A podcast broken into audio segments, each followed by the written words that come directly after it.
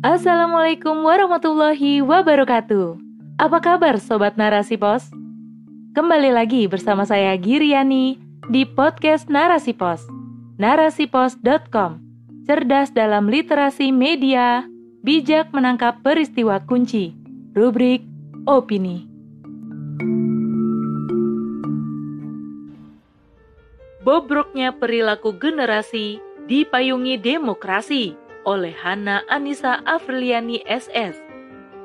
Seorang cendekiawan sekaligus ulama yang hidup di masa kehilafahan Bani Umayyah, Hasan Al-Basri pernah mengatakan bahwa seorang yang mencari ilmu akan tampak di wajah, tangan, dan lidahnya, serta dalam kerendahan hatinya kepada Allah.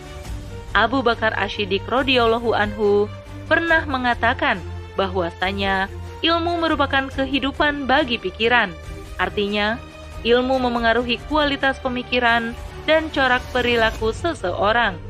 Orang yang berilmu memang selayaknya mencerminkan ilmu tersebut ke dalam dirinya, tak sekedar tersimpan di ruang benak, namun terpancar dalam keagungan akhlak dan moralitas. Namun sayangnya, sistem pendidikan hari ini rupanya telah gagal mencetak generasi berilmu sekaligus bertakwa dan berakhlak. Betapa banyak kita jumpai fakta generasi intelektual berstatus pelajar atau mahasiswa yang justru terlibat perbuatan asusila dan kriminal. Sebagaimana yang baru-baru ini viral, seorang mahasiswi Universitas Islam Negeri Sultan Syarif Kasim atau UIN Suska, Riau, bercumbu di depan layar Zoom pada saat perkuliahan online berlangsung. Akibat perbuatannya tersebut, sang mahasiswi terkena drop out secara tidak hormat dari pihak kampus karena dianggap telah merusak nama baik kampus. Selama pandemi yang notabene-nya pembelajaran dilakukan secara online, kasus serupa sudah sering terjadi sebelumnya, baik di dalam maupun luar negeri. Alangkah bobroknya perilaku generasi hari ini, bahkan saat forum ilmu pun mereka melakukan hal itu. Nauzubillah min zalik. Sistem demokrasi yang diagung-agungkan di seluruh dunia, termasuk di Indonesia ini, nyatanya menampilkan hipokrisi. Klaim kebebasan yang diusung demokrasi demi melindungi hak asasi, faktanya malah menjerumuskan manusia, bahkan negeri ini ke dalam jurang kebinasaan. Sebagaimana diketahui, ada empat pilar kebebasan yang diusung demokrasi, di antaranya kebebasan beragama, berkepemilikan, berpendapat, dan berekspresi atau berperilaku. Empat kebebasan yang dijamin demokrasi inilah yang sering kali dijadikan tameng bagi para pelaku penyimpangan terhadap syariat untuk teguh melakukan aksinya. Sebut saja atas nama kebebasan beragama, bermacam-macam agama baru bermunculan. Bahkan, mereka mengultuskan nabi baru sesuai kepercayaan mereka.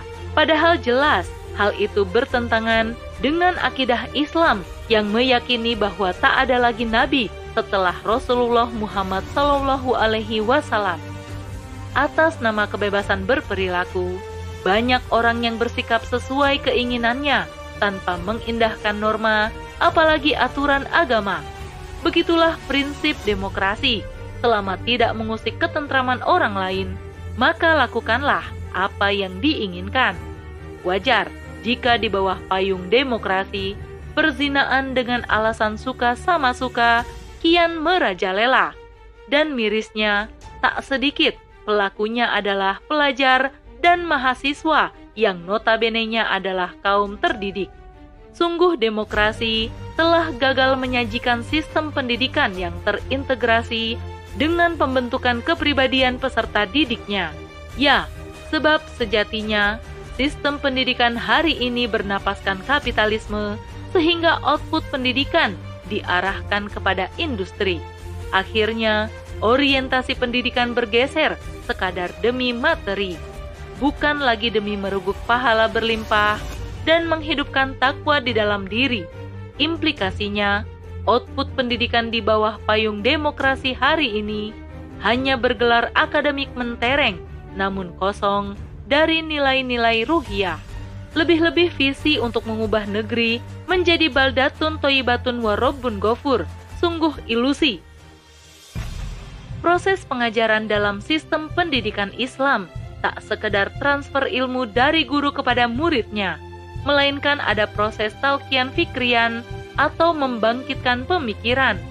Seorang guru harus mampu mengaitkan fakta-fakta terindra dengan materi pembelajaran yang diberikan. Tak hanya itu, setiap pembelajaran juga harus mampu menguatkan ketaatan anak didik kepada penciptanya, yakni Allah Subhanahu wa Ta'ala. Demikianlah sistem pendidikan Islam yang mengadopsi kurikulum berbasis akidah Islamiyah. Para gurunya pun harus memiliki visi dan misi yang sejalan dengan kurikulum berbasis akidah tersebut. Maka, mau tak mau, guru yang mengajar siswa muslim tentulah harus seorang muslim pula. Selain itu, guru juga harus memiliki kepribadian Islam yang kokoh dan ketaatan terhadap syariatnya karena seorang guru akan menjadi role model bagi anak didiknya. Demikianlah mekanisme sistem pendidikan Islam yang mampu mengorelasikan ilmu dengan amal, sehingga ilmu yang didapat akan terpancar dalam perilakunya, yakni berhias akhlak terpuji sebagai hasil dari ketundukan pada syariatnya. Dalam Islam, semua ilmu yang diajarkan itu wajib dikaitkan dengan akidah Islamiyah sehingga seseorang yang memperoleh ilmu pengetahuan akan berkorelasi dengan bertambahnya keimanan dan ketakwaannya kepada Allah Subhanahu wa taala. Hal itu persis sebagaimana yang disampaikan Allah Subhanahu wa taala dalam firman-Nya di surat Al-Fatir ayat 28. Sesungguhnya yang takut kepada Allah di antara hamba-hambanya hanyalah para ulama atau orang-orang yang berilmu. Demikianlah, sistem pendidikan Islam mencetak generasi berkualitas yang taat pada syariat dan enggan berbuat maksiat. Adapun sistem pendidikan Islam tersebut hanya bisa mewujudkan tujuannya manakala diterapkan dalam wadah yang juga bervisi akhirat, yakni khilafah Islamiyah, bukan demokrasi. Wallahu a'lam bishawab.